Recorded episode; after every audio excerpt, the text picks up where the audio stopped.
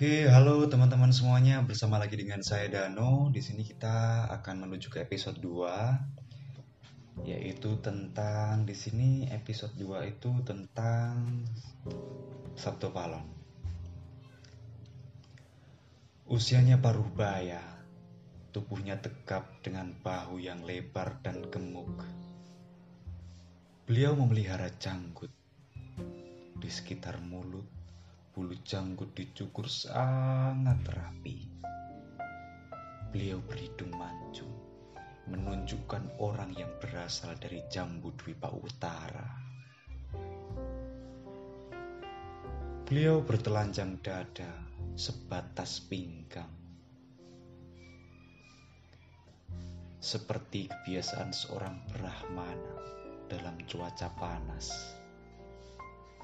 Cara beliau mengikat kainnya dengan lipatan di bagian belakang.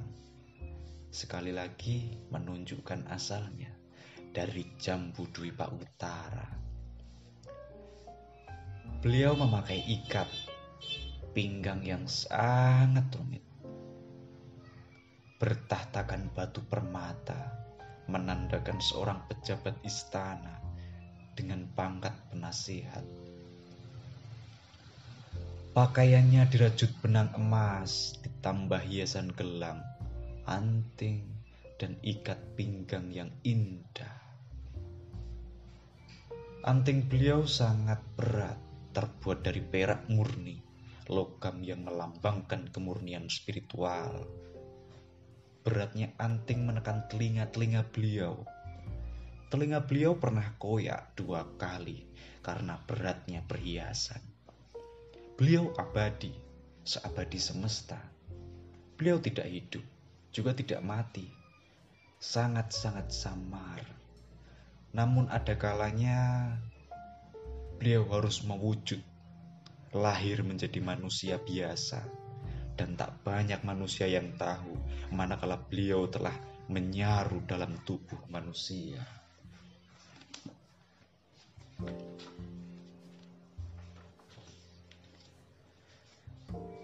Di Majapahit udaranya terus-menerus panas, seperti musim panas di kita, Cina. Panen padi dua kali setahun, padinya kecil-kecil, berasnya berwarna putih. Di juga juga ada buah jarak dan karapodang kuning. Tetapi tidak ada tanaman gandum.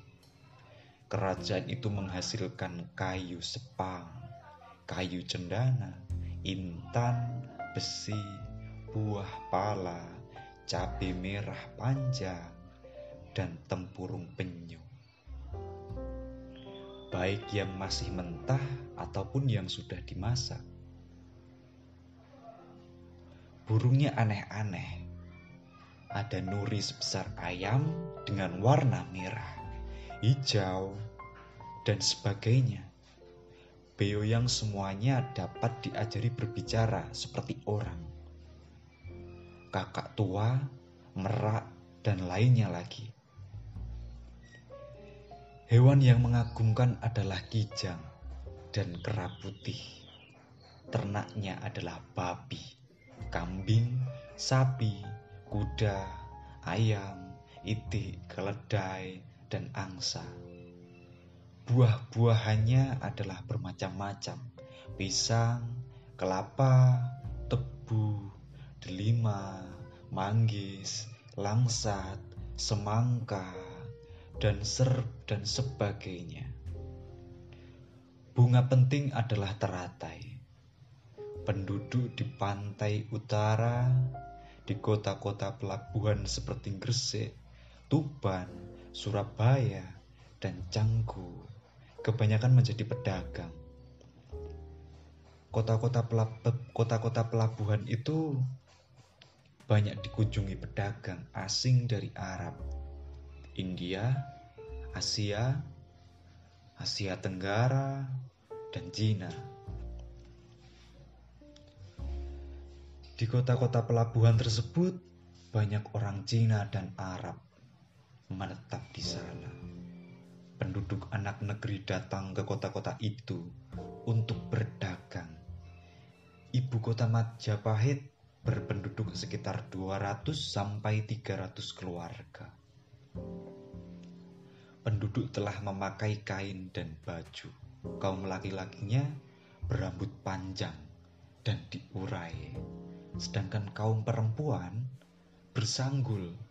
Setiap laki-laki dari anak berumur tiga tahun ke atas, baik orang yang berada atau orang yang kebanyakan mengenakan keris dengan gagangnya yang diukir indah-indah, terbuat dari emas, cula badak, atau gading. Kerap kali apabila mereka bertengkar, cepat masing-masing telah siap dengan kerisnya. Pantangan bagi rakyat, Jawa adalah memegang kepala orang lain. Karena itu merupakan penghinaan dan akan menimbulkan perkelahian darah. Mereka duduk di rumahnya tanpa menggunakan bangku, tidur tanpa memakai ranjang, dan makan tanpa memakai sumpit. Sepanjang hari mereka senang memakan sirih, baik laki-laki atau perempuan. Apabila ada tamu datang, yang disuguhkan bukanlah teh, melainkan sirih dan pinang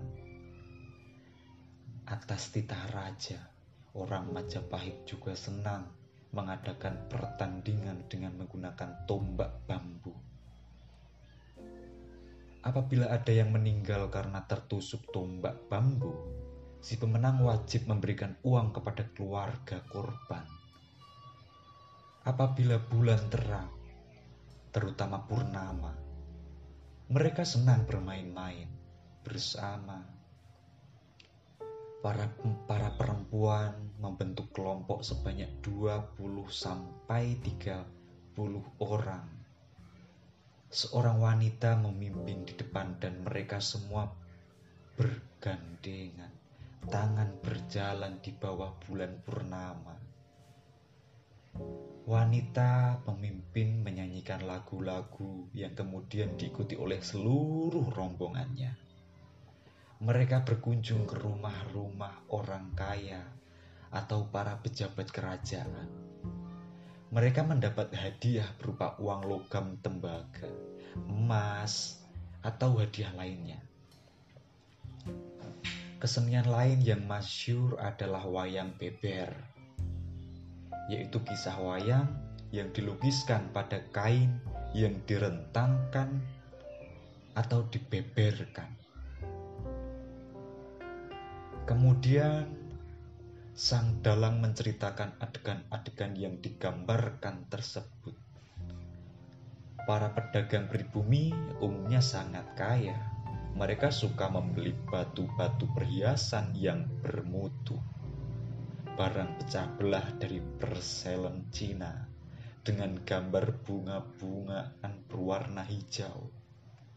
Mereka juga membeli minyak wangi, kain sutra, katun, katun yang baik dengan motif hiasan ataupun yang polos. Mereka membayar dengan uang tembaga Majapahit, uang tembaga Cina dari dinasti apa pun laku di kerajaan Majapahit. Barang-barang dagang dari Jawa, Majapahit, pada saat itu ialah lada, garam, kain, dan burung kakak tua. Sedangkan barang-barang dari luar yang dijual di sana ialah mutiara, emas, perak, sutra, barang keramik, dan barang dari besi. Mata uang dibuat dari campuran perak, timah putih, timah hitam, dan tembaga. Catatan Wang Tayuan, seorang pedagang Cina.